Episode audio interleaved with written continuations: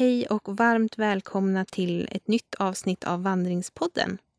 Jag heter Emily Bröms och med mig så har jag min eminenta poddpartner Angelica Meistedt som är proffsvandrare deluxe. Och idag så ska jag verkligen tanka henne på all kunskap hon har för du ska få prata om packning och utrustning. Äntligen kommer det här prylavsnittet som eh, jag har bara längtat efter att vi ska göra och som jag vet är otroligt efterfrågat av er som följer. Jag gjorde en sån här Instastory-undersökning och ni var jättemånga som önskade just mer praktiska packtips. Så den här är tillägnad alla er som har hört av sig.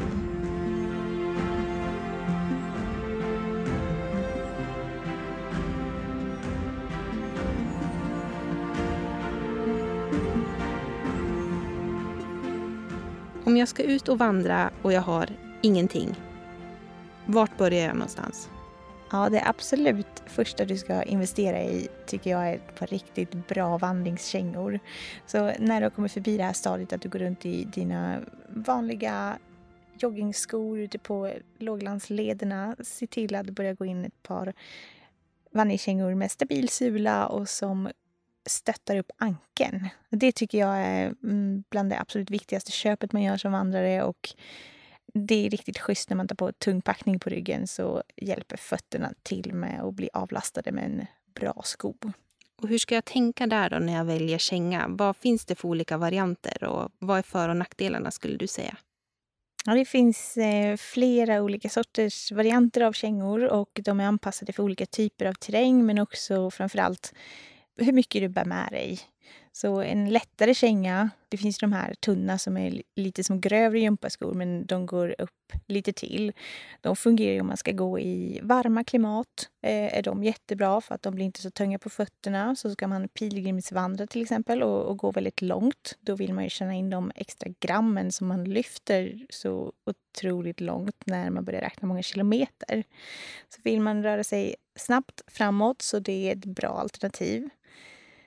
Sen finns det ju en hel rad olika modeller uppåt eh, efter det som blir grövre och eh, lite tyngre men som också står emot mycket mer ogänglig terräng. Så ska man upp och röra sig i fjällmiljö där man kliver över mycket såna här stenrösen, grenar, man är ute i oländig terräng, man ska kanske till och med kunna göra vad. Då behöver man gå upp till en högre modell. Och med högre modell så menar du? Eh, då tänker jag framför allt att man behöver titta på att det är en, eh, en riktigt rejäl, stabil sula.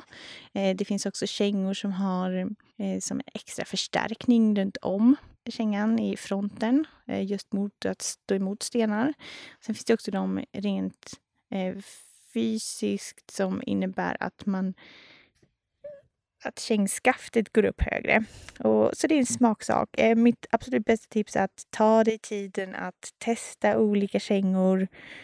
Eh, gå in dem hemma i lägenheten, till exempel genom att dammsuga i kängor som du är sugen på att köpa. Gå runt i lägenheten och städa och städa i dem, för då är de fortfarande oanvända. Du har inte haft dem ute. Men du har ändå fått känna på hur de är när du har gått i dem en stund. För oftast så sväller ju foten upp till en centimeter när man har varit i aktiv rörelse. Så det är också en bra tumregel att man behöver gå upp ungefär en centimeter och, genom att mäta foten. Och det här kan man få hjälp med i butiker, så det kan man fråga om. Och hur ska jag tänka eh, när det kommer till prisklasser då? Är dyra kängor automatiskt bättre? När det kommer till utrustning då skulle jag tipsa överlag om att fundera noga på din kammare och vad du skulle ha utrustningen till. Eh, vad kommer du röra dig i för typ av miljöer oftast? Eh, hur ser äventyren ut som du ska på? För det viktigaste är att du köper rätt utrustning och eh, utrustning du faktiskt använder. Sen jag vet många som går in, de köper sin känga och tar den absolut billigaste som finns. Och sen kommer man på efter en eller två vandringar att nej men den här täcker inte mitt behov och så går man och köper den lite värre varianten som man egentligen behövde ha från början. Så då har man egentligen betalat en och en halv eller två kängor Och då kan det vara billigare att investera i rätt utrustning direkt. Så, så det är också ett tips att testa så mycket du kan och olika modeller. Om du har den möjligheten så gör ett mer grundat val sen när du väl står där i butiken. Så var lite mer genomtänkt och mervetandegöra sin egen vandring helt enkelt på förhand. Ja, det är ett jättebra tips. Um, nästa bra sak för vandrare tycker jag är ryggsäcken. Att se till att man har en bra ryggsäck som framför allt har plats för alla saker man behöver med sig. Och då är det olika. Vissa har för vana att bara gå stuga till stuga. Andra vill kunna gå med och klara sig med allt de äger på ryggen och kunna få med både tält och sovsäck. Och då krävs det att man går upp på lite större storlekar. Jag får ofta frågan hur stor ska den ryggsäcken vara? Det är som att fråga hur långt ska ett snöre vara? Men någonstans att börja tänka så här, ska man ut och fjällvandra då behöver du ha ja, men runt 50, 60, 70 liter i alla fall för att få ner allt du behöver för att klara dig. Det är gott om utrymme. Eh, sen så finns det ju många funktioner i ryggsäckar som är men lite av en smaksak. Vart eh, vill man ha sina saker och hur vill man organisera dem i ryggsäcken? Så det finns eh, sidfickor som kan öppnas från insidan eller från utsidan. Vissa modeller har meshfickor medan andra har integrerat i själva ryggsäcken. Sen för att den ska sitta så bra som möjligt på ryggen när du vandrar så är det jätteviktigt att du har ett bra avbärarbälte som går att spänna runt höften och att eh, ryggsäcken har justerbar i rygglängden så att du kan skjuta upp och ner så att den verkligen smiter åt axlarna med axelbanden på ryggsäcken. Och sen så som du säger då också att det kanske beror på om man vill ha en stor eller liten ryggsäck. Men ska jag till exempel investera i en jättestor direkt om jag vet att jag ska ut och fjällvandra? Eller vad tycker du? Ja, det tycker jag beror på um, faktiskt vart man rör sig. Eh, ska man gå um, kortare sträckor bara över dagen, då klarar man sig med en betydligt mindre ryggsäck. Då kanske det räcker att du är runt 30-40 liter. Men vet du med dig att du ska ut längre, ja, men välj en större modell. För då, då får du med dig allt du behöver. Jättebra. Så då har vi kängorna på fötterna och ryggsäcken på ryggen. Vad mer behöver jag? Sen vill du definitivt ha kläder på kroppen som skyddar dig mot alla väder du kan tänkas och möta ute på äventyret. Eh, ska vi börja inifrån och ut så är jättebra att alltid ha med sig underställ, gärna i ull.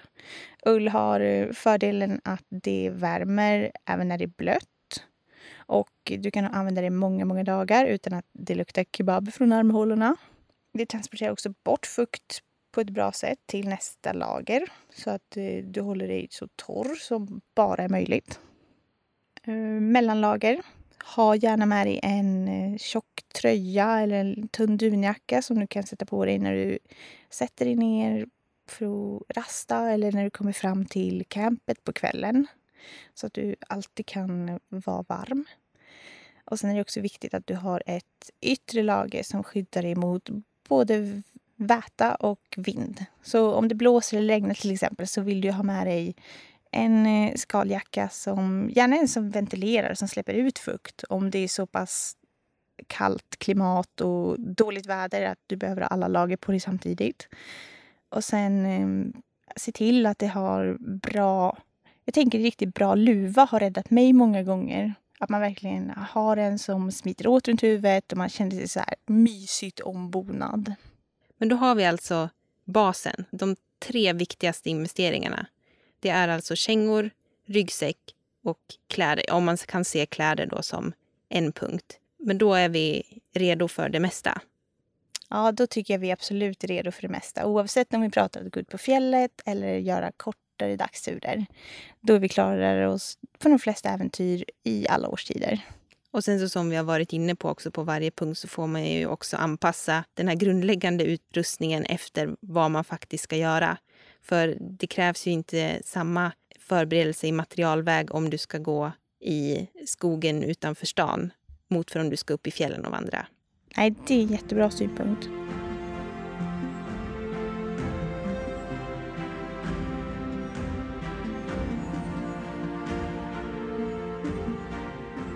Jag måste ju kanske fylla min ryggsäck med någonting också. Det tjänar ingenting till att gå omkring med den tom. Så vad ska jag stoppa där i? I övrigt i ryggsäcken så vill jag börja med att slå ett verkligt slag för att ta med ett första hjälpen-kit. Om någonting händer på leden när du är ute, se till att ha packat det här kittet så att du kan hantera de vanligaste vandringsskadorna som stukade fötter, skavsår, lite värk, eh, värk och sveda från instick och så vidare. Sen är det jättebra att ha med en pannlampa så att du enkelt ser vart du ska. Packa med dig kniv och eldstål så klarar du det absolut mesta och du kan göra upp eld om du behöver få värme eller torka kläder till exempel. Inga tändstickor alltså? Stormtändstickor kan vara jättebra att ha med också. Eh, se till att har du med tändstickor att de är torrt förvarade. För just det här tändflånet på sidan, det samarbetar inte jättebra om det råkar bli fuktigt eller blött ute. Tändare då? I så fall stormtändare. Eh, en vanlig tändare kan vara också knixig när det är blött och fuktigt. Då får man inte den här lågan som behövs. Eh, däremot fördelen med att ha med ett eldstål blir att eh, det kan du använda oavsett väderlek och bara ett litet tändstål, det är ungefär som en tredjedels penna ungefär i storlek. Det kan få upp till 400 gnistor som du kan starta eld med. Så den håller länge och det är en bra säkerhet att ha med. Jag brukar se till att ha med flera eldstartningsalternativ, för man vet aldrig. Och eldstålet används alltså med kniven för att göra upp eld? Ja. Och då får väl jag inflika då att använd knivryggen och se till på förhand att det är en kniv som har en slipad rygg. Så att du har den här vassa kanten så att du verkligen kan få loss gnistorna. Och kniven är också jättebra för flera anledningar. Om det kommer inbrottstjuvar i tältet vad insinuerar du nu? Ah, nej. Nu vart det väl lite väldigt makabert här. Ja, vi skippar det. Annars då, vad mer behöver jag ha med mig? Så nu har jag första hjälpen, jag har kniv och ett eldstål. Sen vill du såklart ha med karta och kompass så att du hittar där du ska och kan använda dem. Sen eh, kök och mat. Um, och jag tycker jättemycket om jag har ett väldigt enkelt kök, det är ett litet kök som snabbt kokar upp vatten. Att, ja, men det väger lite eh, samtidigt som jag bara sätter fart på det här. Och så kan jag ha kaffevatten på 60 sekunder. Och vad drivs ditt kök av? Det drivs av gas. Då skruvar jag helt enkelt bara på munstycket på gasbehållaren, eh, fjuttar eld på det och sen så sätter jag på den här kastrullen med vatten. Superenkelt. Okej, då har vi kök. Vad ska jag göra på köket då? På köket ska det ju såklart lagas mat. Och det kan man göra i olika former. Och här är det så spännande att vi alla är olika. Är du en mästerkock hemma i köket så kan du använda fjället som din nya mästerkockstation. Eh, det du älskar att göra hemma, ta med det ut. Det är framförallt det vill jag skicka med. Eh, jag avskyr att laga mat hemma, så det är samma på fjället. Jag älskar uppfinningen frystorkat. Man tar med en påse torkad mat och sen häller man i vatten, väntar tio minuter och sen är det klart. Redo att serveras. Eh, jag önskar det fanns sånt för hemmabruk. Du tänker inte att äta så påsmat hemma då? Ah, ah, ah, ja, det skulle kunna vara något. Det skulle rädda många vardagskvällar. Ja, varför inte? Ta, ta fjället in i lägenheten. Mm, perfekt. Ja, så vi kan ju konstatera då att maten får vara valfri standard. Där är det bara ork, ekonomi och kreativitet som sätter begränsningarna. Men se gärna till att äta mycket mat.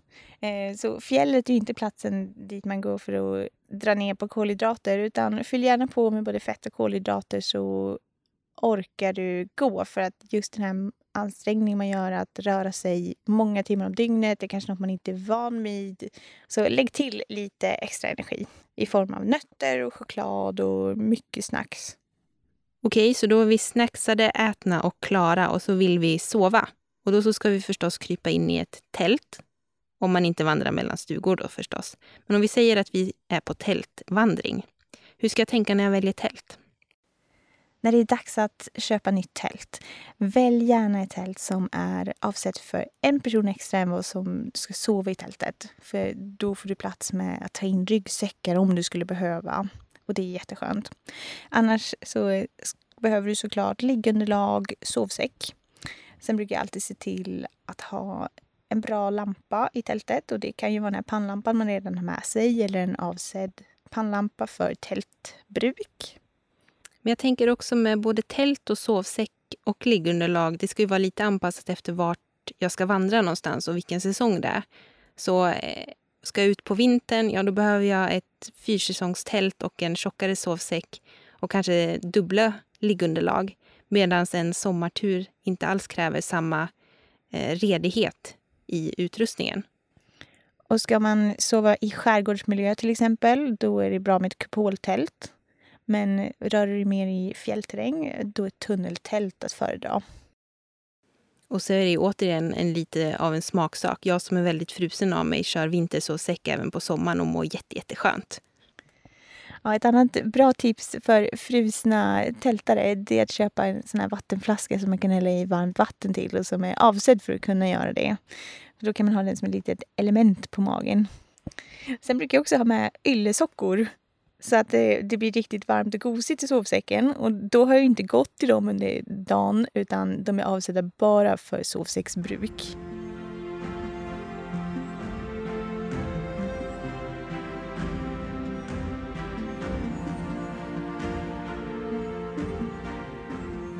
Nu när vi har pratat om allt det här så har vi ju på något sätt pratat om det som att man ska köpa all utrustning ny. Men det uppmanar vi väl inte riktigt till.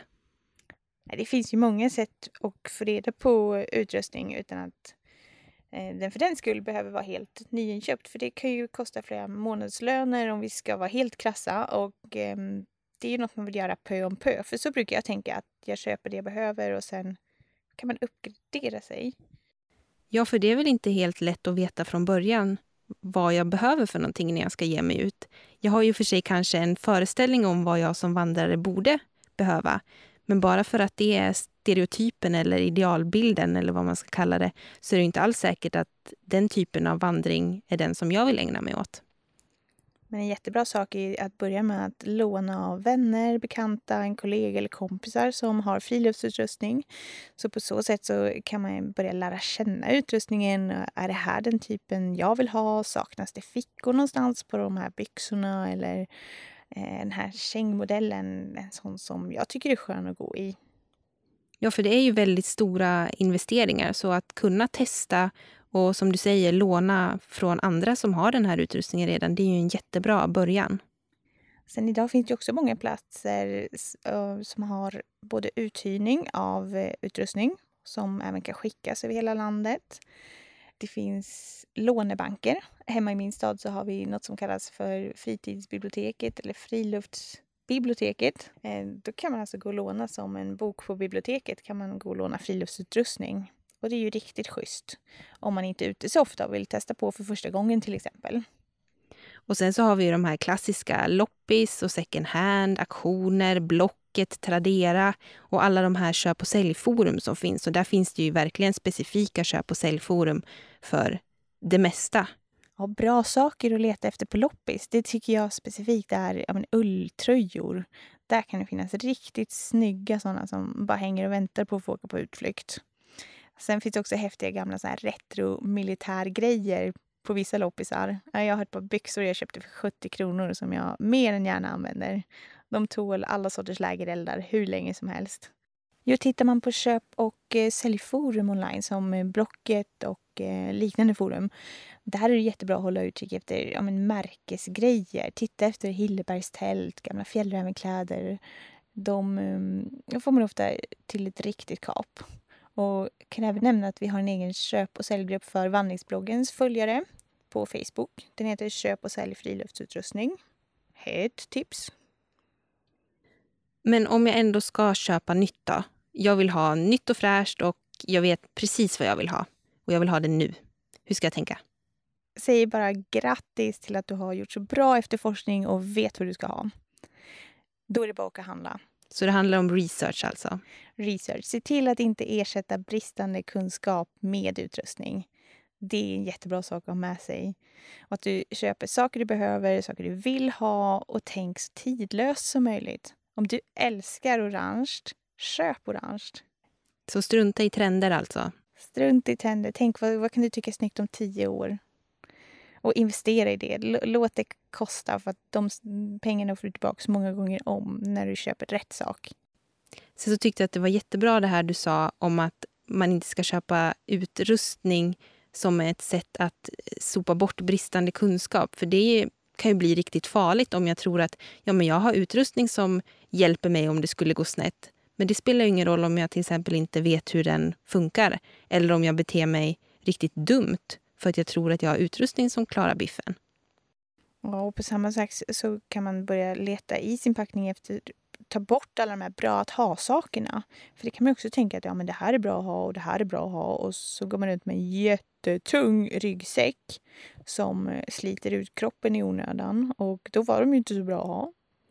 Det tycker jag är så intressant med det här. Man pratar ofta om folk som jagar gram och jag förstod aldrig det där riktigt eh, Eh, innan jag faktiskt började vandra.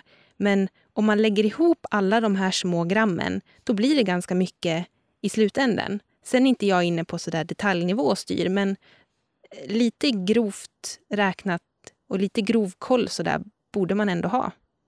Absolut, och det är inte alls tanken att alla ska gå och såga av sina tandborstar nu, precis som du är inne på, Emily.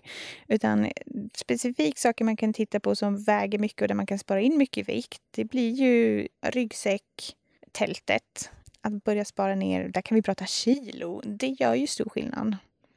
Och sen så om vi ska gå in ännu lite mer på det här med budget och ekonomi. Och det är ju lite klyschigt för man hör ju oftast det här, ja men vandring är för alla och man ska börja i sin egen takt. Men rent krast så det är ju svårt att ta till sig den bilden när det ser ut som det För det är ju ändå en slags prylhets och man tror att man måste ha den värsta utrustningen. Och går man ut i gympadojor och en vanlig regnjacka ja men då känner man sig inte lika... Jag känner mig i alla fall inte lika proffsig. Kan man säga så? Inte för att det handlar om prestation, men jag känner mig inte lika hemma. Ja, nej, och jag hör, det var någon som hörde av sig och tyckte att de, de hade blivit kollade snett på i fjällstugan. För de kom i andra kläder än vad de andra hade. Och det är ju så tråkigt att ska vi bete oss så mot varandra? Ja, för är, vandring är ju verkligen för alla. Men det är så tråkigt som sagt att det har blivit att det är flashiga vandringsresor och toppar som räknas på något sätt. För det är ju inte det egentligen. Sen ska man såklart se till att ta med sig utrustning anpassad för terrängen man ska till. Att man, som du sa tidigare också, vet hur man använder den. Så att man inte kompromissar med sin egen säkerhet och andras blir det ju också. Och då kanske hellre välja en säkrare vandring än att ge sig ut på ett äventyr man inte vet eh, om man kommer klara av. Så det handlar ju också då om att köpa utrustning som man faktiskt vet hur den fungerar och som man faktiskt behöver. Och det kanske man inte vet från början heller, utan då gäller det att testa sig fram och hitta det som funkar för en själv.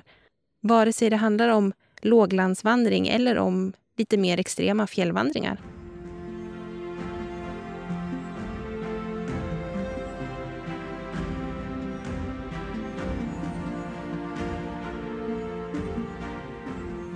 Ja, nu har vi gått igenom hela kroppen, inifrån och ut och ryggsäcken uppifrån och ner känns det som.